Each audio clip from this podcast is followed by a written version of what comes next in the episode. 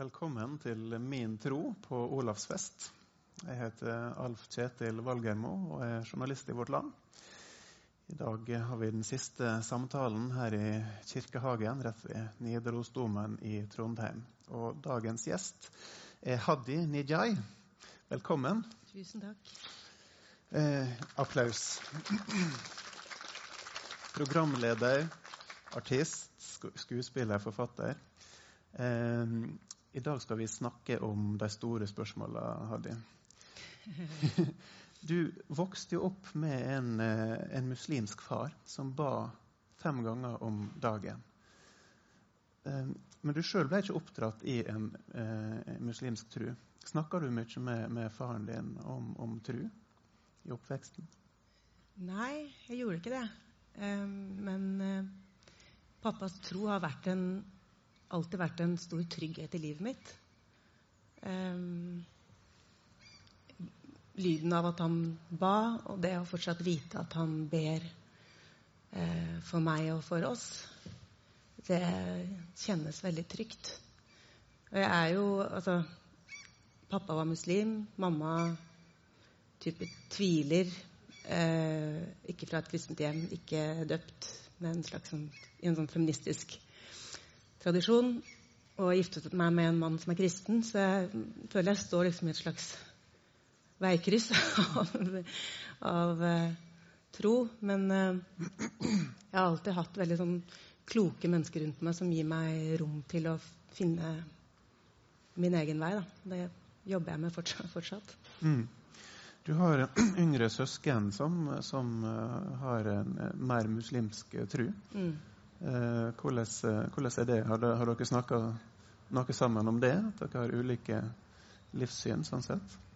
Ja, vi er fem søsken, og yngste er bare 18. Så eh, jeg har på en måte fulgt de yngste fra de, var, fra de ble født. Så har jeg vært ungdom og voksen. Og vi har snakket en del om tro. Og det er klart, eh, de yngste søsknene mine som blir oppdratt som muslimer, da de plutselig skjønte at de fant øl og pølse i kjøleskapet mitt, så, det, så måtte vi snakke sammen. Jeg husker ene søsteren min, da var hun kanskje ja, seks eller noe sånt. Overnatta hos meg, og så sa hun det at Hvorfor har dere øl og pølser i kjøleskapet? Og så sa jeg nei, fordi jeg drikker øl og spiser pølser. Ja, men hvorfor det? Nei, for jeg har valgt å ikke være muslim. Så sa hun kan man velge det? Mm. og så etter hvert skjønte hun jo at uh, det kan man. Mm. Uh, og de tre yngste er muslimer, og de har også en annen mor da, enn uh, Lisa Arseth og jeg. Og vi er ikke det. Mm. mor di tviler, sa du. Altså, likevel så vet jeg at du stadig kjøper nye figurer til julekrybba hennes. ja. mamma er en grubler og en tviler. Og, eh, men hun er veldig opptatt av historiene som har formet oss. Eh, og um, alltid vært glad i å formidle de historiene til oss. Eh, men så er det sånn at det har nok kommet også etter hvert som hun har blitt eldre, at hun har eh,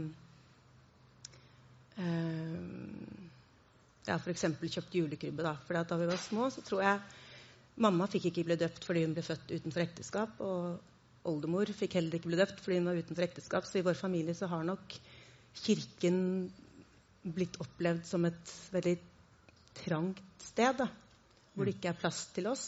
Mm. Og så sakte, men sikkert så har moren min tror jeg, oppdaget i hvor stor grad Kirken og kristendommen likevel er en del av måten vi tenker på historien vår og hvem vi er. Og at det er viktige og vakre historier. Mm. Og for meg også så har jo kirkerommet etter hvert åpnet seg eh, på en helt annen måte enn en før. Mm. Eh, du er jo kjent for, for, ikke minst for å lede mange store eh, TV-program på NRK, også kvelden før kvelden. Mm. Eh, på lille julaften. Hva, hva, betyr jula for deg? Jeg har blitt veldig glad i jul. Og eh, når jeg har jobbet med Kvelden før kvelden, så har jeg alltid prøvd å lage en type jul som skal ha det beste ved jula. Dvs. Si at det er en raus jul. Eh, og en jul hvor forventningene handler om å skulle ha det fint og godt sammen. Og ikke om alle de tingene som vi ofte Som egentlig ingen ønsker seg tror jeg, til jul, men som vi bare tror vi må forholde oss til. Mm. Um, og selv så feiret jeg jo ikke jul noe særlig da jeg ble voksen. Så jeg vokste jo opp med tradisjonell jul og sånn, men så ble jeg voksen og drev med andre ting og var ikke opptatt av tradisjoner. Men så fikk jeg jo disse småsøsknene, da. Eh, og så var det en jul hvor de var eh, hjemme hos eh, eksmannen min og meg. Da var de kanskje fire og seks eller noe sånt. Så skulle de hjem igjen på lille julaften. og De hadde ikke noe plan på julaften. Vi skulle spise litt god mat og sånt. Det var egentlig bare det. Og så sa ene søsteren min eh, Hva skal dere egentlig i morgen? Så sa jeg så på julaften. Og så sa jeg nei, ikke noe spesielt. Og så sa hun det skal ikke vi heller. Mm. og så skjønte jeg plutselig at det er klart når man jeg vokste jo opp med en vanlig jul hjemme, men jeg tenkte for dem så når man går på skole og barnehage i Norge, så er jo alt bygger jo opp mot julaften. Når man da kommer hjem og det er bare litt god middag, så er det klart det er litt um, ja, det er en liten nedtur. da. Nå har jo de selvfølgelig andre, de feirer id og har andre ting, men likevel. Så da så jeg og mannen min for hverandre, og så gikk vi ut og vi fant noen grankvister som vi putta i en vase, og lagde noe pynt av papir og kjøpte noen små julegaver. Og så ble det etter hvert en tradisjon da, at hver jul så var vi sammen med mine småsøsken. Mm. Og med det så klarte jeg å skape en jul som jeg fortsatt er veldig glad i, selv om vi ikke lenger er sammen på julaften. Eh, fordi de er i Gambia ofte på julaften. Men det er en jul hvor De forventet jo ingenting. Mm. De ble glad for å være sammen, for å kunne lage litt julepynt ble glad for å få en gave eller to. Eh, så det ble en sånn takknemlig og god jul hvor det viktigste var å være sammen og være rause med hverandre og ha tid til hverandre. Mm. Og glede seg til og glede seg over. Mm. Eh, tenker du noe over på en måte juleevangeliet som forteller om, om Jesusbarnet som blir født? Mm. Hva- Hvem er Jesus for deg? Eh, nå, har, nå har jeg en datter som er fire år, som heter Maria. og da hun ble født så det er noe med at Når man får barn, så ser man jo verden på nytt. Og sitt eget liv og alle andre på nytt. Og jeg opplevde veldig tidlig at jeg hadde lyst til å lære henne de fortellingene. Så noe av det første jeg ønsket meg til henne, var en barnebibel. Mm. Eh, og Så hver jul, fra hun ikke skjønte noen ting, og til nå, når hun skjønner eh, litt for mye av og til, så har jeg eh, fortalt henne om juleevangeliet. Og det som slår meg kanskje aller mest, det er hvor vakkert det er at Frelseren blir født i en krybbe, ikke får rom noe sted, er på flukt, er forfulgt. Um, fortsetter å være forfulgt. Og etter hvert ikke forlater eller går ut av forlater jorda som en slags seierherre som har knust fiendene sine, men så sårbar. Og det her er liksom ikke noe jeg har snakket med en prest om. Kanskje jeg tar helt feil med ting, men det er sånn jeg sånn historien er for meg. Mm. At det å at korsfestelsen også, det er liksom den ultimate sårbarhet. Mm. Ikke bare smerten, men det å stå der og ikke kunne beskytte seg Mm. i alles påsyn. Og det å oppleve tvil da, i alles påsyn helt på slutten. Det, det er en historie som jeg syns er veldig vakker, og som har mye å lære oss alle sammen. Uh, ja. Mm. Uh, har Maria noen uh, favorittfortellinger? Eller hva slags bibelfortellinger leser du ellers for henne? Nå eh, får Maria fortalt fortellinger alt fra Hun har lært masse om de greske gudene og om Harry Potter og om eh, Jesus. Så er, hun har liksom henne så Hun er veldig glad i fortellinger. Men hun regner seg faktisk som kristen allerede. Hun har bestemt seg for det. At pappa er kristen, og hun er kristen, og jeg er ikke kristen. Eh, men det er klart hun er jo veldig opptatt av Maria. For det var det første hun liksom kobla med seg selv. Og hun trodde lenge at Maria het Maria Nja Giske. Og så måtte jeg forklare henne at det, det, eh, det er du som heter det. Men fornavnet har dere til felles. Eh, og da Trond og jeg skulle gifte oss også i Nidarosdomen bak oss her, så Så for at hun skulle klare å sitte stille liksom, litt i kirken under vielsen, så tok jeg henne med på en sånn ordentlig runde da, i Nidarosdomen. Og vi så på. Det er jo Du kan jo bruke en uke der uten problemer med en treåring, som hun da var, for det er jo så mye å se på. Det er så mange ansikter og så mange historier. Og hun har jo ikke noe respekt for det. Hun er jo ikke sånn tenker, å, jeg vet ikke hva det er, så jeg tør ikke å, å, å tenke meg hva det kan være. Mm. Så det var utrolig fascinerende å gå sammen med henne og se på alt, og så se hva hun så. Og er jo, man er jo opptatt av de tingene når man er tre år. Godt og ondt og liv og død og alt det der. Og hun også sa Hun klatra på et sted hvor det var farlig å klatre. Og så sa jeg det er kjempefarlig, Maria. Hva er det som kan skje da? Så hvis du faller ut der, så dør du. Det er langt ned. Så, hva, hva skjer da, da? Nei, men da våkner du ikke opp igjen. Ja, men Jesus gjorde jo det! Så, fått med seg oppstanden. Hun har fått det med seg, ja. Og også, så, vi har også lest om de greske gudene, som jeg sa. da. Vi leste historien om Persevs og Danae, og moren til Persevs som blir stengt inne i et tårn fordi faren hennes får vite av oraklet i Delfi at uh, hun, en, hun, kommer til å få en sønn, og den sønnen skal drepe ham. Så han stenger datteren sin inn i et tårn, så hun ikke skal kunne få barn. Og da er det et bilde da, når Sevs, som han pleier å gjøre, da, kommer ned som gullstøv for å ja, eh, befrukte en vakker kvinne. Så nå er det et bilde av Danae som kneler mot et vindu, og så ser du det gullskimrende som kommer inn.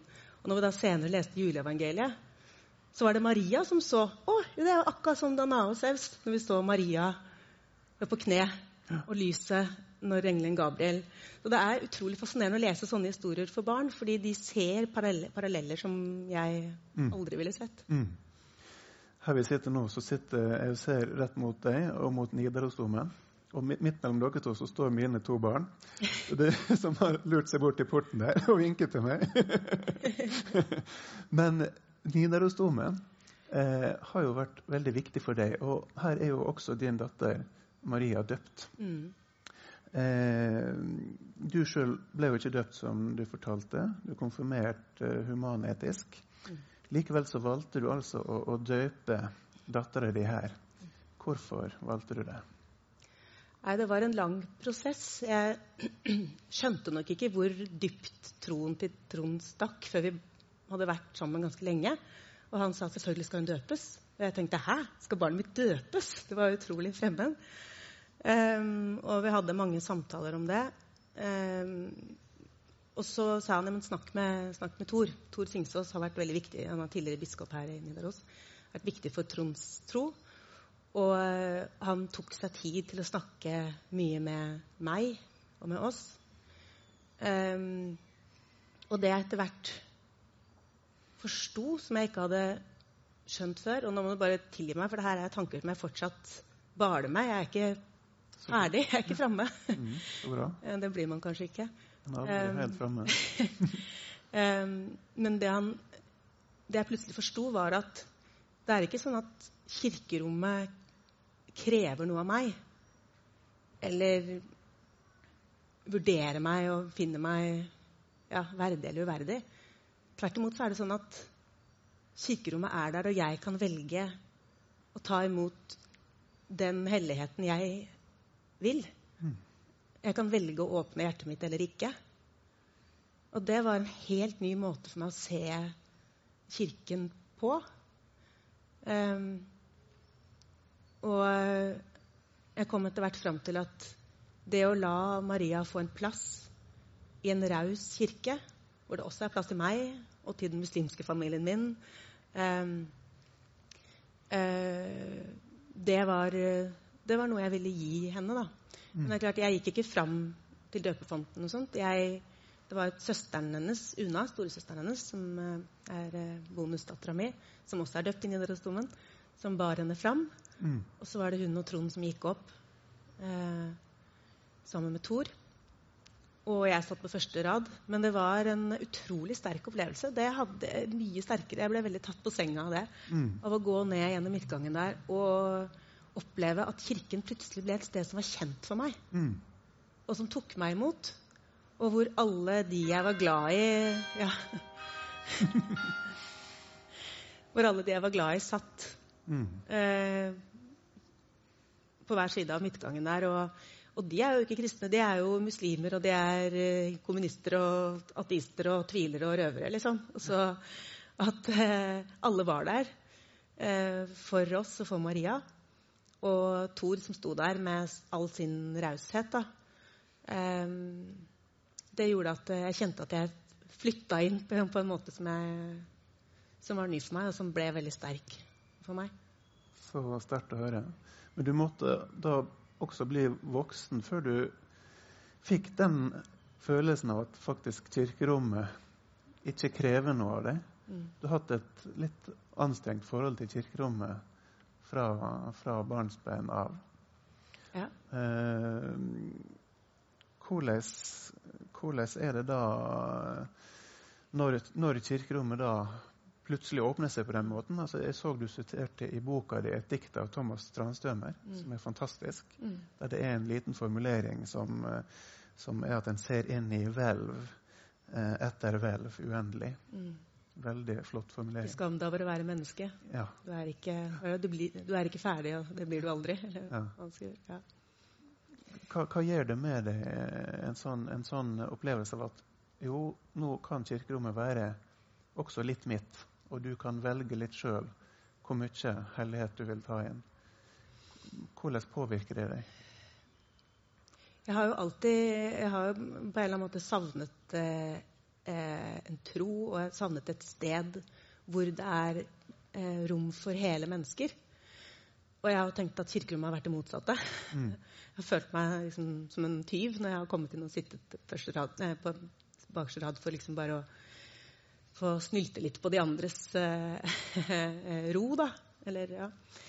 Um, men nå har jo kirkerommet blitt akkurat det. Det har blitt eh, et av de få, få stedene som fortsatt fins, hvor jeg kjenner at man kan komme inn og være hele seg. Hvor det er plass til hele mennesket. Og ikke minst hvor man kan sitte og være hele mennesket sammen. Mm. For det er så mange steder, nesten overalt, hvor vi først og fremst tenker at vi må opprettholde en fasade. Og da tenker jeg ikke på sånn ha en fin bil. eller liksom sånn, tenker jeg mer på det menneskelige. Da, at vi um,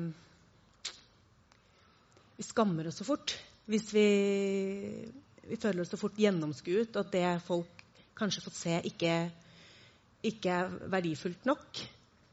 Uh, men jeg begynner å ane da, at i uh, kirkerommet så kan man i hvert fall i øyeblikk ta inn over seg at menneske like, alle mennesker er like verdifulle, og at du er verdifull bare ved å ha liv. Mm.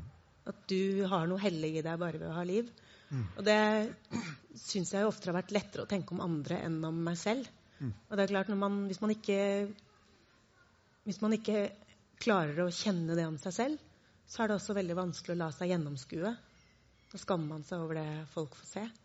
Mm. Jeg tror jeg har jo hatt mye sosial angst og vært mye redd for folk opp gjennom livet mitt. Og, ja, sånn som vi, vi, to var i en, en, middag sammen her hvor jeg, jeg, gikk sammen med Trond. og jeg skulle gå inn, og da tenkte jeg at jeg, jeg må, så skulle Trond på toalettet før vi gikk inn.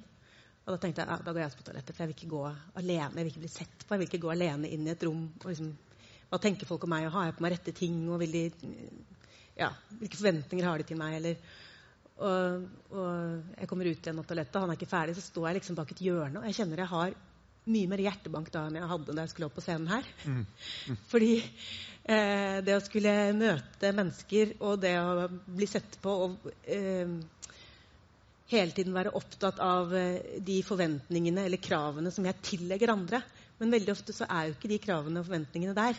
Mm. Eh, og det er det jeg mener med at det er så få rom man kan gå inn i eller være i hvor, eh, eh, hvor man kjenner at man kan være avkledd. da, Tørre å bli sett. Mm. Og, for du har jo gjennom hele livet egentlig hatt en lengsel etter uh, tru også. Mm. Og tilhørighet, tror jeg. Og tilhørighet. Ja. Mm. Altså, vi snakker om uh, ære under denne festivalen, og det er interessant hvordan uh, veldig mange av de jeg snakker med om ære, de sier at for dem så er, så er ære integritet. Det er noe du har uavhengig av andre.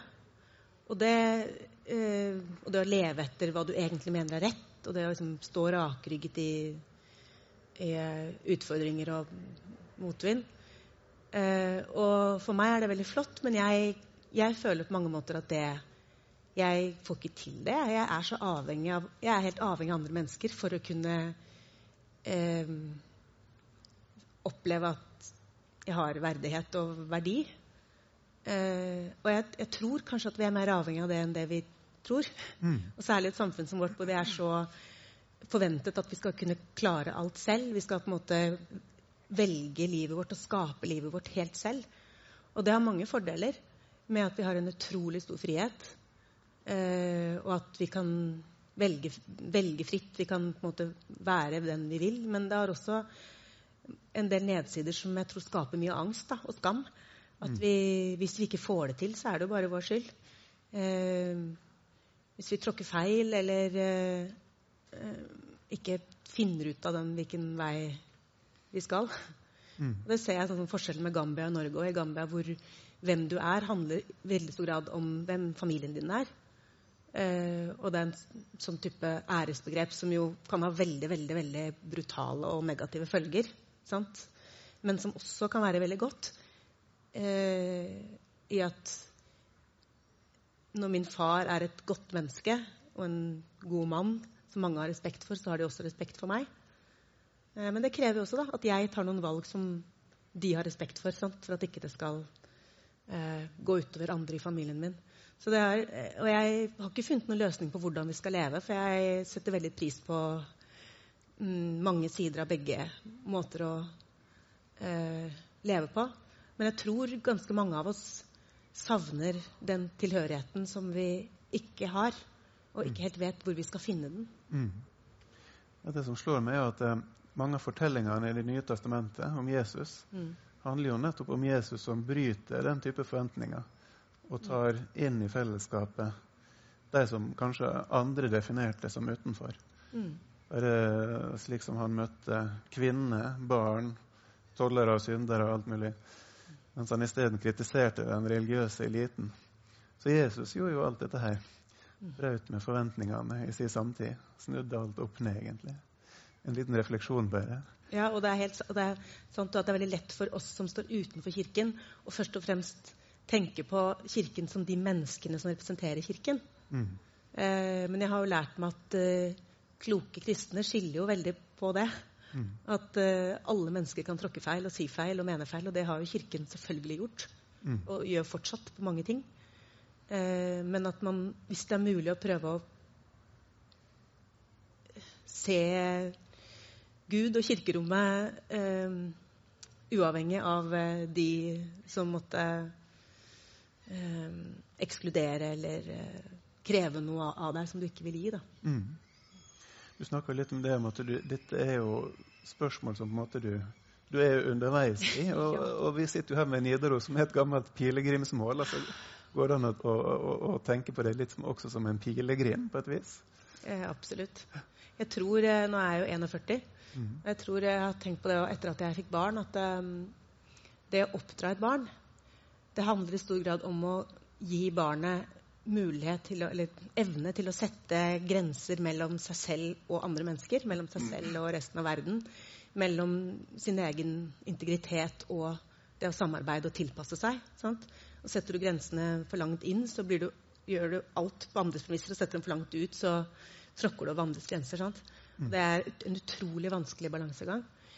Eh, men jeg tror kanskje når man da fyller 40 da, og har eh, etter hvert opplevd en del og liksom funnet sin ja, funnet én plass i livet, om ikke plassen, mm. så, så, tror jeg Iallfall jeg, da, kanskje mange, har behov for å liksom, gjøre om litt på de grensene.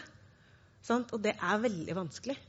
For det sitter så, det sitter så hele den, den, du er, er så basert på de gjerdestolpene. Mm. Og i den prosessen med å prøve å flytte grenser, sånn som jeg gjør nå, så blir det veldig mye redsel og veldig mye skam og ubehag. Mm. Um, men det å se kirkerommet på en ny måte, og det å begynne å tørre å si ordet Gud, i hvert fall, mm. det, det, tror jeg er en del av den prosessen for meg. Da. Hvis du tør å si ordet Gud, da har du kommet ganske langt. Det, det, turte ikke, det turte ikke de i gammel tid. Da, da hadde de andre navn på Gud. Ja. Så de skulle slippe å si Gud. Ja, nei, jeg, jeg, jeg, tenkte på det før jeg sa det. Tør jeg egentlig det? jeg er fortsatt ikke helt sikker. Og det er veldig uvant for meg å sitte her og skulle snakke om noe jeg ikke liksom, Veldig ofte når man gjør intervjuer, så er man jo framme. Man kan si å, det var en veldig tøff periode, men nå løste jeg det. ikke sant? Mm. Og hvis du ser på sånn, jeg tror det er VG som har en sånn kurve når man gjør intervju, så er det sånn livskurve, og mm. alle ender litt sånn opp på slutten. For at nå, nå er det bra. Mm. men jeg skulle sitte her og faktisk for hver setning tenke ja, men, ja, det tror jeg jeg mener. Og vite at kanskje jeg mener noe annet om en uke. Eller kanskje jeg Og det også mener at vi, vi, vi er så redde for å ta feil. da.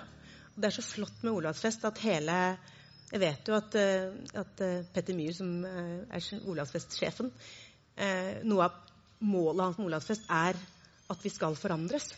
Og det å være et sted hvor så mange har et ønske om, eller i hvert fall en har mot til å la seg forandre, mm. det er veldig inspirerende og veldig godt. Det er jo når vi forandrer oss også, at vi, at vi lever. At vi ikke mm. stivner helt uh, til. Men det er jo ubehagelig. Det er jo veldig ubehagelig. å Det er alltid ubehagelig å gå utafor uh, ja. komfortsona uansett. Og Hvis du ser hvordan den offentlige samtalen er, så handler det jo ikke om å la seg forandre. Det handler om å prøve å rope så høyt du kan det du mener.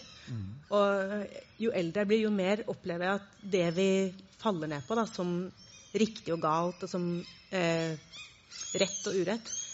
Eh, det altså vi, vi, tror vi er så rasjonelle som mennesker, og at vi sitter og tenker, og så kommer vi fram til at ja, det mener jeg er rett, og det er galt. Og det, det er sant, og det er usant.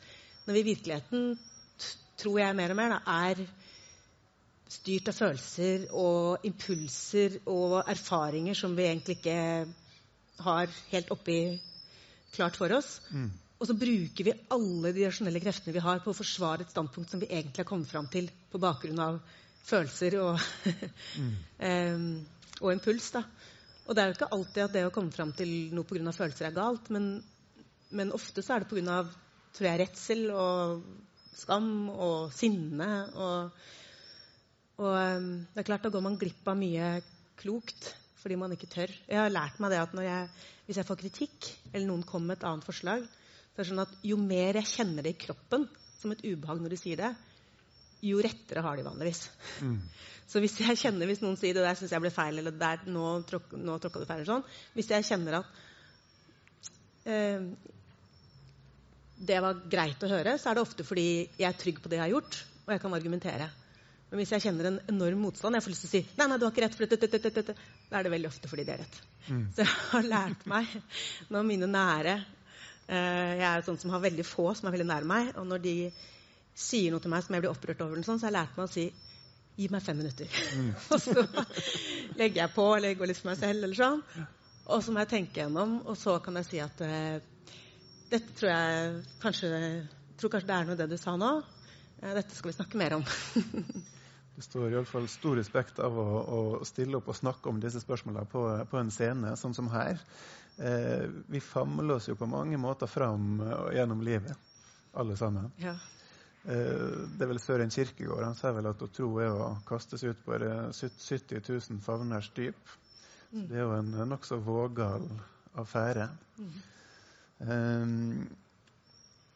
du gifta deg også her i Nidarosdomen, som du nevnte. Hvordan var bryllupet? Jeg er jo sånn som aldri egentlig har drømt om et sånt bryllup hvor jeg skal ha på hvit kjole og gå gjennom midtgangen og, og sånt. Det er Trond som har drømt om det mm. hele livet sitt. Um, men da så hadde vi jo gode samtaler. Det var jo Thor som også viet oss. Og hadde veldig gode samtaler med han eh, underveis. Um, og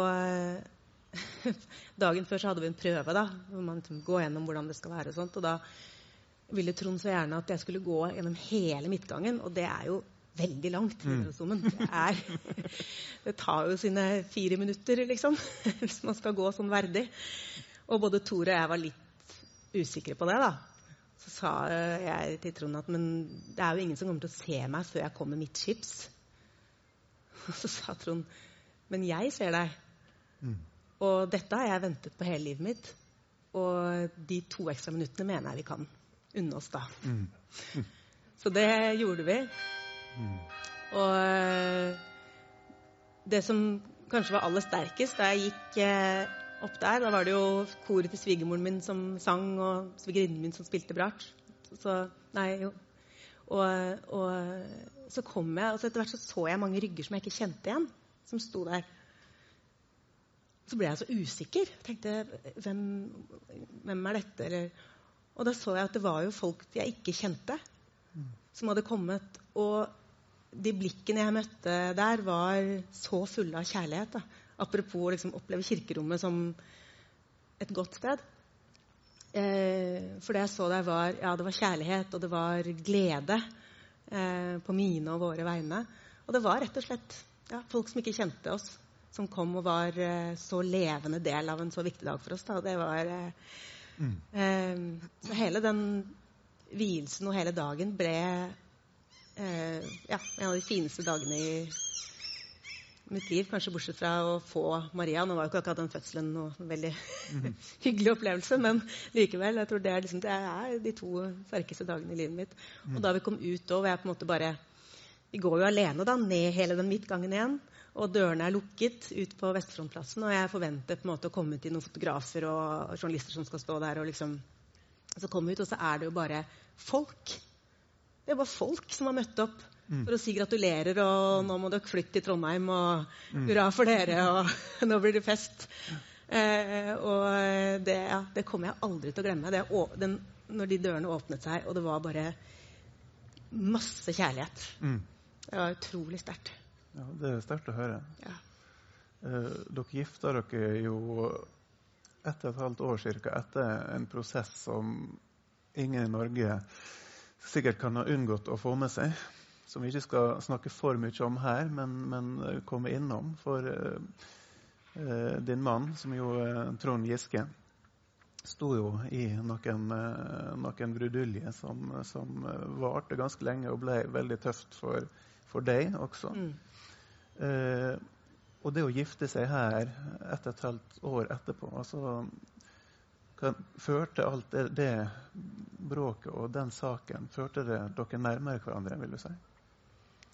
Jeg tror nok at eh, alt det vi sto i da, også er en av grunnene til at jeg er i den prosessen jeg er nå, hvor det er mye som Det er en ganske sånn stor ommøblering som foregår i hjertet mitt og i hodet mitt. Eh, og jeg måtte jo skrive en hel bok, så det er veldig vanskelig for meg å liksom svare kort på det. Og jeg er selvfølgelig redd for å si noe feil, for at noen skal bli lei seg, for at jeg skal liksom skape mer vondt for noen. da. Eh, så det gjør at jeg blir veldig sånn forsiktig når jeg snakker om det. Men um, um, jeg tror når man Apropos det å holde fasaden oppe, da, når man står i noe sånt sammen, så er jo det helt umulig. Da får, kommer man liksom inntil hverandre helt til beinet. Sant? Og det å være så nær hverandres menneskelighet det å, Og særlig en som Trond, som alltid er så sterk, og alltid står så støtt, og alltid er så blid, og alltid er så trygg, og alltid er hjemme hvor enn han er.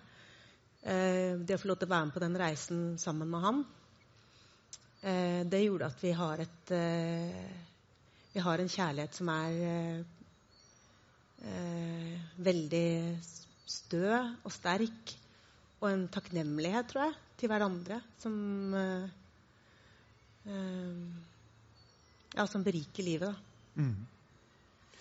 I desember 2017, når dette rulla i gang, da sto du på scenen du, i- som Fantine i Le Miserable, De elendige. Ja. Eh, hva, hva skjedde der på scenen? Nei, Jeg hadde jo en liten pause akkurat til jul, og så kom jeg tilbake igjen rett over nyttår. Og da var det jo det var helt voldsomt. Vi hadde jo 100 presseklipp om dagen eller noe sånt. Jeg husker ikke. Det er, sånn, det er bare vanvittig voldsomt. Og eh, jeg har jo alltid vært veldig glad i Le Miserable. Jeg leste De elendige da jeg var 14 år og ble helt jeg husker jeg ble slått i bakken. Jeg satt og skrev ned sitater fra boka. Jeg var det var så sterkt. Og det er jo akkurat, Le Miserable er jo sånn man er når man er 14. I hvert fall sånne som meg, da, som er veldig tenkefælt og grublefælt. og sånn. Det er blod og svette og tårer, og det er urettferdighet, og det er skjebne, og det er nåde, og det er liksom de voldsomme eh, ja, det hjertet utapå hele tiden. Mm. Um, og, men jeg har på en måte sett i den historien som en historie veldig sånn, om rettferdighet og samfunn i stor grad. Men da jeg spilte den på Folketeatret nå, så så jeg plutselig også at det er en dypt religiøs historie, og en historie om nåde Mm. og menneskelighet. Og um, da jeg gikk på scenen igjen, da, eh, midt i det kaoset og Jeg gikk gjennom garasjen, for jeg var så redd for presse, jeg var redd for å bli sett på, jeg var redd for alt, egentlig. Lå for det meste på gulvet og prøvde å puste mesteparten av tiden når jeg ikke var på scenen. Um, og da spille en rolle hvor jeg bare på en måte skulle Det var, er, bare forferdelige ting som skjer med Fantin. Hun uh, får barn utenfor ekteskap, hun får sparken, hun blir banka opp, hun eh, selger sex, hun blir voldtatt og dør. Det er egentlig det som er livet hennes. Men det å komme ut på den scenen da og bli sett på av 1400 mennesker i en situasjon hvor man kjenner så mye uro, så mye redsel, så mye skam Å stå der i en rolle hvor du må gi så mye, da, i en liten nattkjole, og eh, skulle synge om skam og forferdelse Det var sånn at det ja, det var en sånn helt kroppslig opplevelse hvor eh, jeg tenkte hver gang at jeg vet ikke om det går. Kommer jeg til å kollapse? Kommer jeg til å gråte hver, gang, hver dag på scenen? Fordi, og jeg brukte det jo inn i rollen. da. Jeg skalv og gråt og alt det som Fantine nok ville gjort. Mm. Um, men jeg var likevel i rolle, så det verste var da vi skulle ta applaus. Særlig den aller første forestillingen. Så skulle jeg ut, og da er jeg jo meg. Mm. Og jeg kommer ut på scenen, løper ut på scenen og tenker jeg skal bare bukke fort, så skal jeg gå bak de andre. For det å stå der alene og bare være meg foran på en scene med så mange mennesker i lyset, barbeint og veldig kald Men så kom jeg, løp jeg foran, og det som møtte meg der, var jo en sånn vanvittig kjærlighet. Da. At eh, publikum så meg så godt. Og, de, og det er rart hvordan man kan merke det, for det var vel ikke noe de, det var jo ikke noe de ropte. Mm. Men det var likevel en sånn utrolig sånn sterk eh, ja, nåde, da. Eller mm. Og jeg husker det var en sånn Jeg spilte jo da og hadde eh, applauser hver kveld og gråt hver kveld. eh, og klarte liksom ikke å holde ansiktet mitt i ro. Og det også er jo en sånn skam. ikke sant? Jeg ikke klarer å holde maska. At jeg bare skalv og jeg gråt sånn. Og, eh, og så var det liksom Etter hvert så vokste det fram en tanke som plutselig slo meg all sin styrke. At det finnes, kanskje det fins nok kjærlighet. Jeg har alltid tenkt på, eller jeg har alltid følt at kjærlighet er et knapphetsgode, og at jeg liksom egentlig ikke har fortjent alt det gode jeg har. Jeg har så mye kjærlighet i livet mitt, Mm. og jeg har skammet meg for det òg. Fordi jeg ikke fortjener det. Og så plutselig å tenke tanken helt ut at kanskje det finnes nok kjærlighet til alle, og at det er greit at jeg eh, kan være så elsket, og at jeg kan ta imot all den kjærligheten. Det var veldig sterkt, og det er en tanke som jeg fortsatt ikke helt klarer å liksom, ta inn over meg, men som jeg etter hvert nå klarer å i hvert fall kjenne i kroppen. Da. Det er, eh, og det var nok første gangen hvor jeg på en måte forsto at her er det noen sånne gjerdestolper som må flyttes. Da. Her er det rom for noe mer og noe rikt som jeg tror kan gjøre at jeg har det bedre i livet mitt, og at jeg kan være et bedre menneske for andre rundt meg også. Kjærligheten uh, står jo om i Bibelen. Den tror alt, håper alt, overvinner alt. Mm. Paulus skriver også om tro, håp og kjærlighet, og at størst blant dem er kjærligheten. Eh, du opplevde dette både det at det er nok kjærlighet, og så opplevde du det som du kalte for nåde. Mm. Eh, det er jo kanskje kjerneordet i kristendommen. Nåde. Altså Gud som gir oss noe gratis som vi kan velge å ta imot. Apropos det vi snakka om i stad. Vi kan velge å ta imot det vi vil av helligheten. Mm. Eh, hva, hva betyr nåde for deg? Det henger tett sammen med det jeg sa med at, med at det er plass til hele mennesket. For vi er alle Vi har lyse og mørke sider, og vi har alle ting vi trenger tilgivelse for. Um, og det å innse at man trenger den nåden eller den tilgivelsen, det er jo en, et skritt på veien til å, til å få den roen og tilhørigheten veldig mange av oss søker. tror Jeg Jeg har tenkt det samme med, med en gud. at Hvis det fins en gud, hvorfor skal han bry seg om meg? Eller jeg har fått så mye. Egentlig så skal jeg ikke ta imot, jeg bør bare gi. For jeg tenkte at det, alt er på en måte eh, eh, Alt kan brukes opp, hvis du skjønner. Mm. Og jeg har tenkt tenkt at eh, det er, det er så mange som ikke har en sjanse, og så skal jeg, som er blant de heldigste av de heldigste av de heldigste av de heldigste i verden, drive og be om nåde og kjærlighet og tilgivelse. At det har jeg ikke rett til. Men med den tanken om nåde og en, en uendelig kjærlighet, så, så det skaper en helt ny frihet da. Mm. til å Ja. Og, og, jeg har jo alltid bedt Men jeg har bare ikke helt skjønt kanskje at det er det jeg gjør. ja. Så nå, og nå tørre å skjønne at det er det jeg gjør, og at det er greit. At det ikke gjør at jeg tar, at jeg tar noe fra noen. Mm. Tvert imot kanskje det gjør at jeg kan gi noe til noen. Um, ja. Mm. Det er nytt fortsatt. Ja. Jeg har ikke helt ord for det ennå. Så, eh, så din, din, fars bønner som du vokste opp med, mm de, de, finner du på en måte egentlig også igjen i ditt eget liv. Da. Ja, og jeg begynte nok sånn å, be sånn eh, jevnlig. Jeg var, eh, jeg var, voksen da jeg eh, besøkte Gambia første gang eh, sammen med faren min. Og da var det jo bare oss to sammen. Og han ber jo, da. Han har jo et eget, vi har jo et eget rom der, i huset vårt i Gambia som bare er for bønnen. Mm. Og han ber jo, og når folk kommer på besøk, så ber vi sammen. Og, og etter hvert så vokste det jo fram en bønn for meg òg, og jeg kjente hvor Altså Jeg skjønte etter hvert at man, man, man, ber jo ikke for Guds skyld, man ber jo for sin egen skyld. Mm. Det, Gud trenger jo ikke våre bønner. Men, men, det å faktisk så ofte samle seg og huske hva som er viktig, og huske hvem man er, og hvem man ønsker å være, Um, så det, jeg begynte etter hvert å liksom eh, eh, takke, be om tilgivelse. Og etter hvert da så ble jeg mindre og mindre spesifikk i hva jeg ba om. For jeg tenkte at hvis jeg ber, så trenger du liksom ikke å sende ut en bestilling. Jeg kan eh, be for noen uten helt å vite hva det er de trenger. Og uten å tenke at det liksom går et bud rett til dem. Men at det at jeg ber for menneskene, eller for folk jeg er sinte på, eller for fiendene mine, eller for de jeg er aller mest glad i, at det gjør noe med meg. Mm. Som gjør at jeg blir et uh, bedre menneske for folk rundt meg. Og gjør meg åpnere for endring. Da. For å stadig bli uh, bedre.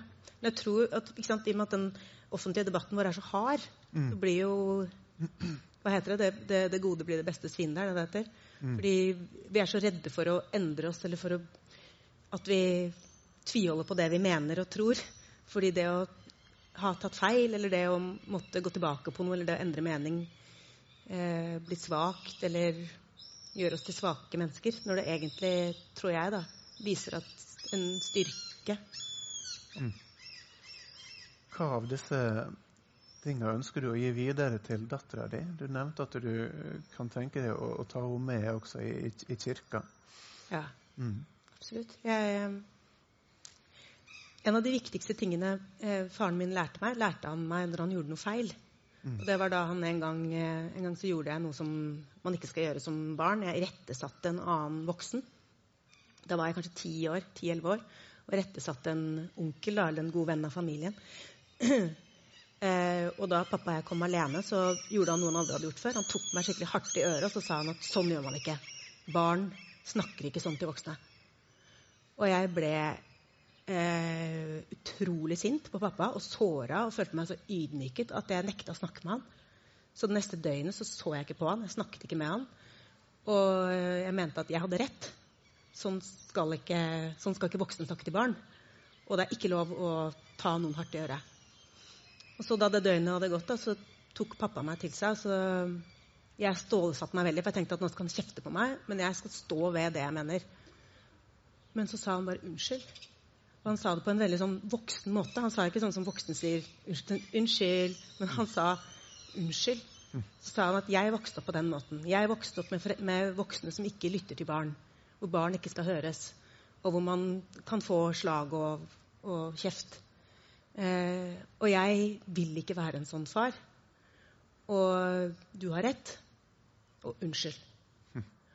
Og jeg har aldri vært mer stolt av faren min. Mm. Og den tryggheten som ligger i at pappa kunne forandre seg for å, fordi han var så glad i meg. Mm. Og bli et bedre menneske for å bli en bedre far. Mm. Det tenker jeg er en utrolig viktig lærdom å ta med videre til Maria. At jeg, så jeg sier ganske ofte unnskyld. Og jeg sier ganske ofte at eh, du, jeg ble litt eh, lei meg av det, eller jeg var sliten, derfor så ble jeg sint. Eller det å kunne som voksen også vise den refleksjonen, og at vi også er styrt av følelser og ikke alltid har rett. Um, og det også for henne å kunne sette ord på følelsene sine. Og kunne se konfrontasjoner, og de er det jo en god del av når man er liksom tre og fire år. Og kunne ikke ha på en måte det at alt skal være smertefritt som mål. Men at de, den friksjonen som oppstår, den bruker vi til å komme nærmere hverandre. Sant? Mm. Da må vi tørre å gå inn i den og tørre å skjønne Jeg må tørre å høre hva hun tenkte. Mm. Og, og hun må orke å høre hva jeg tenkte. Og så må vi sette ord på det, og så må vi finne veien videre.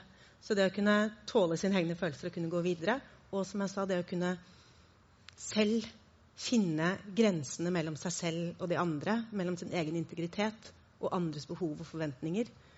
Um, det er kanskje, Jeg kommer selvfølgelig ikke til å få det til på den måten jeg ønsker, men jeg skal i hvert fall prøve.